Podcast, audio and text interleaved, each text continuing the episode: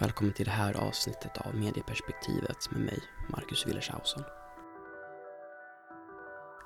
Idag gästas jag av Johan Cedersjö, journalist och programledare för Medierna i P1 som utkommer varje vecka där den egna branschen granskas. Vi träffas i Tredje Statsmakten ABs lokaler på Södermalm i Stockholm för ett samtal om mediers förtroende, finansiering och framtid. Så, då sitter jag här med Johan Cedersjö. Tänkte inleda med en faktaruta. Mm, trevligt. Eh, ålder? Eh, oj, nu står det 32. Eh, bor någonstans? I Stockholm. Eh, jobbar med? Jag är programledare för programmet Medierna i P1. Eh, utbildning? Jag har pluggat fem år statsvetenskap och ett år journalistik. Vilken är din favoritbok? Mm, det var en svår fråga. Jag... Just nu läser jag den här, jag kan inte säga favorit, men just nu läser jag Bränn alla mina brev som Alex Schulman har skrivit. Som är fantastiskt bra faktiskt. Så det är en mycket bra bok. Eh, vilka tidningar eller tidskrifter prenumererar du på? Eh, alla, om jag får inkludera jobbet. För att eh, jag har ju ett jobb som så att säga eh, smiter in ganska mycket i, i mina privata intressen. Och på jobbet här har vi ju tillgång till allt eftersom vi granskar all journalistik. Så att, ja. Finns det någon journalist eller reporter du tycker om att läsa? Mm, många. Jag gillar, eh, jag fick den här frågan en annan gång. Då sa jag att Bengt Norborg på SVT är en favoritreporter. Han är korrespondent och leder deras program Korrespondenterna. Honom tycker jag mycket om. Eh, så det är ett bra namn. Eh, vilka sociala medier använder du mest? Facebook, Instagram och Twitter. Varför just dem? Eh, för att de var tidiga och de lyckades fånga mig så att jag är fast i deras klo. Bara en vanesak. Man borde ju byta ut lite men ja, det blir sådär. Hur kommer det sig att du studerade journalistik och idag är programledare för Medierna P1? Hur, att jag, jag ville bli journalist redan när jag var liten. Så att det var en gammal dröm och jag hade tänkt länge på om jag skulle läsa journalistprogrammet eller om jag skulle studera något annat och sen komplettera med journalistik och det följer på det senare. Eh, så att det var egentligen målet hela tiden men jag läste statsvetenskap länge först för jag tyckte det var det är också ett väldigt spännande ämne. Eh, och när jag studerade journalistik så gjorde jag praktik här på medierna. Och uppenbarligen så tyckte de att jag skötte mig så bra så att jag fick vara kvar. För att glida in lite på dagens ämne. Du är ju som sagt programledare för Medierna i P1. Jag skulle vilja fråga varför är det så viktigt att ett sådant program som Medierna eh, finns för att granska den egna branschen? Jag tror att det är viktigt i alla branscher att man tillåter intern granskning. Eh, journalistbranschen är nästan som ingen annan bransch i den enorma makt vi har. Att skildra, att granska och att också utsätta privatpersoner och som kan vara offentliga eller privatpersoner för otroligt nedsättande sammanhang. Att det kring en sån bransch finns, det finns ju flera olika självreglerande system, men att det också finns ett program som så att säga granskar vad andra journalister gör med samma metod. Använder journalistiken för att granska även journalister. Det tror jag är otroligt viktigt för trovärdigheten. För att eh, mediebranschen har en otrolig makt och då är det väldigt viktigt att det finns de som granskar hur den används. Medierna i P1 produceras av Tredje Statsmakten AB. Är det för att säkra programmets oberoende och göra att ni kan granska Sveriges Radio på samma sätt som exempelvis Expressen eller finns det någon annan anledning? Ja, det skulle jag säga. Det första. Mm. Att så att säga, det, det var ju i samband med att medierna kom till så var det visserligen en tid som, där det, som hade föregåtts av vissa politiska beslut om att man ville att public service skulle använda sig mer av externa företag. Och det handlade ju om en, det är en slags politisk diskussion det där om hur- man motverkar en slags enfald inom public service, att man då kan låta andra bolag producera.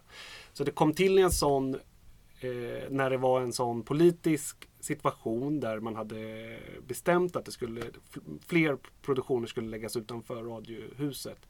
Men huvudskälet absolut att vi inte ska sitta i samma lokaler som Sveriges Radio för att vi ska granska dem lika hårt som alla andra. Mm. Och vi ska slippa kanske möta dem i lunchmatsalen eller dras in i deras, så att säga, vi ska kunna se nyktert och utifrån på deras produktioner. Eh, den nyligen släppta förtroendebarometern 2019 visar att ungefär 30% av befolkningen har stort eller mycket stort förtroende för dagspressen. Vad tror du beror på att 70% saknar det stora förtroendet? Var det så? Hjälp. Och så är det omvänt med public service. Eller hur är det där? Precis, public service har dubbelt så stort. Ja, just det. Ja, just för tillfället så lever vi ju i en tid när det verkligen är på modet att attackera medier och eh, mediers oberoende. Eh, det tror jag präglar människor. Det, det, branschen har genomgått en väldigt stor strukturförändring i samband med digitaliseringen. Och eh, det har varit smärtsamt och många medier letar än idag efter sin affärsmodell eh, kring vad man ska göra, vem man ska vara, på vilka plattformar. Jag tror att det har satt avtryck i folks förtroende för medier. Eh, och vi vet ju också att dagspressens tidningsprenumeranter som var de där trygga, som var de där stabila, som var trogna, de minskar i och med att allt fler dessvärre dör. Eh, så att det kan ju också ha en förtroendefråga som har tappat då, ifall de har minskat. Nu kommer jag inte ihåg den statistiken i huvudet, om de har minskat väldigt kraftigt. De, de hade ökat något från de hade förra ökat året. Ja. Eh, men om man jämför med 2017 års siffror så ligger de fortfarande en bit under 2017. Just det, just det. Mm. Och för att vända lite på frågan att det, det pratas ju ofta om vikten av en seriös journalistik i en demokrati mm. och att det behövs i en särskild tid som denna. Vad tror du dagspressen kan göra för att öka det förtroendet de har? Det är en jättebra fråga. Men jag tror att för mig så handlar allting om att göra, bli medveten om vilken position man sitter på. När det gäller granskning, när det gäller maktutövande. Vara mer noggrann i sina granskningar. Bara, kan aldrig vara för noggrann med att ta in flera perspektiv, är att ha ett öppet förhållningssätt till det man går in i. Det är ju själva journalist, liksom, i det man publicerar. En större ödmjukhet, större insikt om att det kan vara så att man har fel. Jobba med så öppet som möjligt, metod.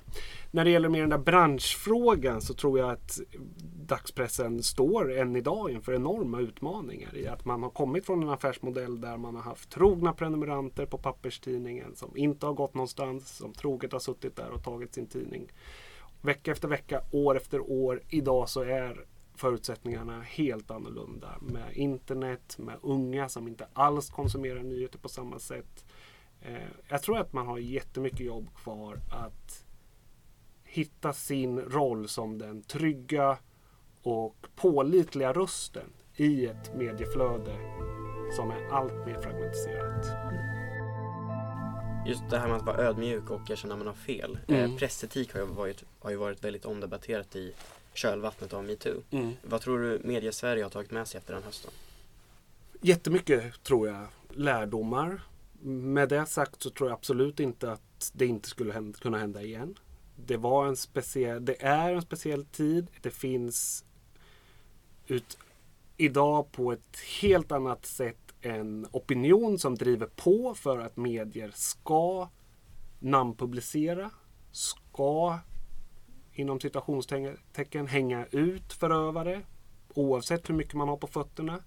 Samtidigt som det finns så att säga en kritik mot medier, att man mörkar en eh, information, en slags kritik som ofta har någon slags politiska förtecken också.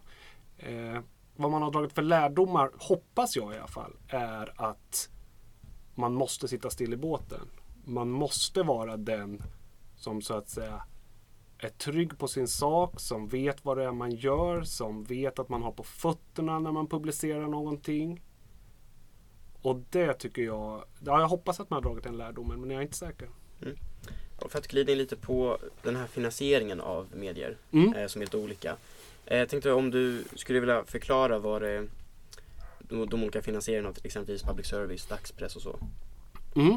Eh, public service finansieras ju nu sedan årsskiftet med en så kallad public service avgift. Man får inte säga skatt ifall man frågar public service-bolagen. De flesta människor, inklusive mig, kallar det egentligen för en skatt eftersom att det dras då direkt eh, via skattsedeln. Det är lite eller det är en väldigt speciell konstruktion eftersom det inte så att säga är så att de här pengarna som dras ska hamna i statsbudgeten utan det ska vara öronmärkta pengar som inte ska kunna gå till andra utgiftsområden i samhället. Om det är så att till exempel försvaret måste ha mer pengar så kan man inte säga ja, men då tar vi lite av public service. Det är i alla fall tanken. Sen så finns det ju massa som menar att så blir det ändå. Men så är det ju med de så här public service, de allmänfinansierade medierna. Och det är ju en tanke där någonstans att de här medierna är inte kommersiella. De finns till för att vi som medborgare i ett samhälle behöver trovärdig information i nyhetsförmedling och vi behöver också underhållning och mer dokumentärer och material som på något sätt hjälper till att bygga vår tilltro till samhället och vår gemenskap. Sen finns det ju då de kommersiella medierna, tidningar och tv framförallt, eh, som ju bygger sig på prenumerationer i stor del. Eh, och annonsering. Då. Eh, en annan modell som har framförallt fått stort uppsving på eh, senaste år, det är den här så kallade Swish-modellen. Ja. Där enskilda aktörer eller tidskrifter eh, söker bidrag men eh, deras innehåll är fritt att läsa för vem som helst. Det finns ju exempelvis Joakim Lamotte och Emanuel Karlsson som varit mm. rätt framgångsrika med det här. Vad finns det för för och nackdelar med den finansieringsmodellen? Jag tror fördelarna om man ska börja med dem är att man får en väldigt stark relation till sin publik. Om vi jämför det med public service som jag, ja då, vårt program finansieras ju av public service. Det är ju väldigt långt steg från folk att folk drar, det dras pengar från någons skattsedel till att det hamnar hos oss. Det är liksom en otrolig maskin där SVT och SRO är stora bolag där man inte alltid kan följa varje krona kanske exakt var, var den landar. Medan om man som privatperson eller som en liten redaktion då jobbar med Swish-journalistik och bidrag så får man en väldigt nära relation till sin publik. Och man tvingas nog som journalist att bjuda in dem väldigt mycket i arbetet. Och det tror jag är jättebra. Det tror jag är otroligt positivt. Så borde alla journalister tänka och jobba väldigt mycket. Att det är ändå för publiken man så att säga är, arbetar för. Nackdelarna är ju såklart att man kanske blir väldigt i händerna på vad de som betalar vill ha för någonting. Eh, man brukar ju prata om det där att en, en, tidning ska både berätta det som alla man vill läsa och det som man kanske inte visste att man ville läsa. Och om man inte visste att man ville läsa någonting då kanske man inte hade betalat för det. Men om man betalar då hamnar man kanske lätt i att man bara betalar om just det man vill. Och då finns det ju en risk kanske också att man betalar till dem som gör exakt den journalistiken som jag vill läsa. Med de utgångspunkterna, med de premisserna. Medans i liksom, tidigare har man alltid pratat om det här. Att det gäller att, att det finns en profession i mediehusen att också så att säga blanda nyhetsflödet. Berätta både sånt som folk vill veta och sånt som de inte visste. Att man får en allsidighet i det där. Så problemet är att man riskerar att få en väldigt ensidig nyhetsbevakning? Kan vara så. Mm. Det måste absolut inte vara så, men det kan ju vara så. så att säga. Det finns ju incitament i, i, i Swish-journalistiken, om vi får kalla den så, som jag ser risker med, som kan leda till det. Mm. På tal om prenumerationsmodellen. Dagens Nyheter har ju haft en stark utveckling med digitala prenumeranter och eh, annonserade nyligen att de öppnar en ny redaktion i Göteborg. Vad tror du det Dagens Nyheter har gjort så bra? Jag tror att Dagens Nyheter har dels en lång tradition och ett starkt varumärke som eh, alltid har stått för kvalitet, stått för stabilitet, stått för en central plats för såväl makthavare som eh, akademiker och högutbildade i, i Sverige. Det är en köpstark målgrupp som är ganska snabba med att ta till sig nya eh, sätt att läsa, nya tekniska förutsättningar. Man har gjort stora satsningar på att ha en fördjupande journalistik som uppenbarligen har funkat bra i relation till den målgruppen. Eh, det skulle jag säga. Mm. Eh, betalväggar där tidningar låser sitt innehåll blir ju allt vanligare. Vad finns det för för och nackdelar med det tillvägagångssättet tror du? Fördelarna är ju såklart att de är ju för mediehusen så att säga. Att man, får, att man tvingar sina läsare att betala. Och mm, journalistik kostar ju pengar så att på något sätt måste man ju få in pengar för att kunna leverera den här produkten. Eh, och om eh, jag tror att i ett samhälle där vi är väldigt sönderkommersialiserat så är det skönt att det inte bara ska vara annonsprenumerationer utan även vara liksom en prenumerationstjänst. Att det är bra, att det bygger trovärdigheten på något sätt. Det är ju såklart en fördel, den är för mediehusen. För konsumenten som kund så finns det ju egentligen ingen fördel skulle jag säga med att man tvingas betala för en produkt. Det, är ju, det kanske man inte vill. Men eh, samtidigt då, man vill ju ha en etablerad och seriös journalistik. Så att, eh, ja. Det är väl nackdelen så att säga för läsarna som måste betala. Mm. eh, för att blicka framåt lite. Public service har säkrat ny finansiering. De kommersiella medierna anpassar sig och eh, läsarna är villiga att betala. I så breda drag, hur tror du framtidens medielandskap kommer att se ut? Jag tror att vi kommer fortsätta ha en väldigt intensiv debatt om vad public service ska vara, vilken roll de ska ha och hur de ska redovisa vad de gör för de pengarna de får. Den debatten kommer inte att dö i och med att man har bytt finansieringssätt. Den kommer snarare öka. Det kommer publiken kommer ställa ännu högre krav på hur SVT, SR och UR agerar, hur de redovisar, hur de agerar eh, och så vidare. Och det kommer vara en stor diskussion kring vad ska deras uppdrag vara? Vad är det de ska producera för innehåll? Och vad ska de inte producera? Vad ska de lämna till den kommersiella marknaden? När det gäller tidningarna så tror jag att vi kommer se en uppdelning där å ena sidan då vi pratade om Dagens Nyheter, liknande tidningar kommer satsa väldigt hårt på att värva digitala prenumeranter och satsa på ett slags fördjupande innehåll med eh, fördjupande journalistik. Samtidigt som det kommer öppna dörren för en viss typ av gratistidningar som är, jobbar väldigt mycket mindre med originaljournalistik och istället bara tar del av det här informationsflödet som finns ute idag på nätet och snabbt och kvickt återpublicerar sånt. Tack för den framtidsspaningen Johan Cedersjö. Tack så mycket. Tack så mycket. Mitt namn är Marcus Wildershausen och jag tackar för att du har lyssnat på det här avsnittet av Medieperspektivet. Missa inte de övriga avsnitten.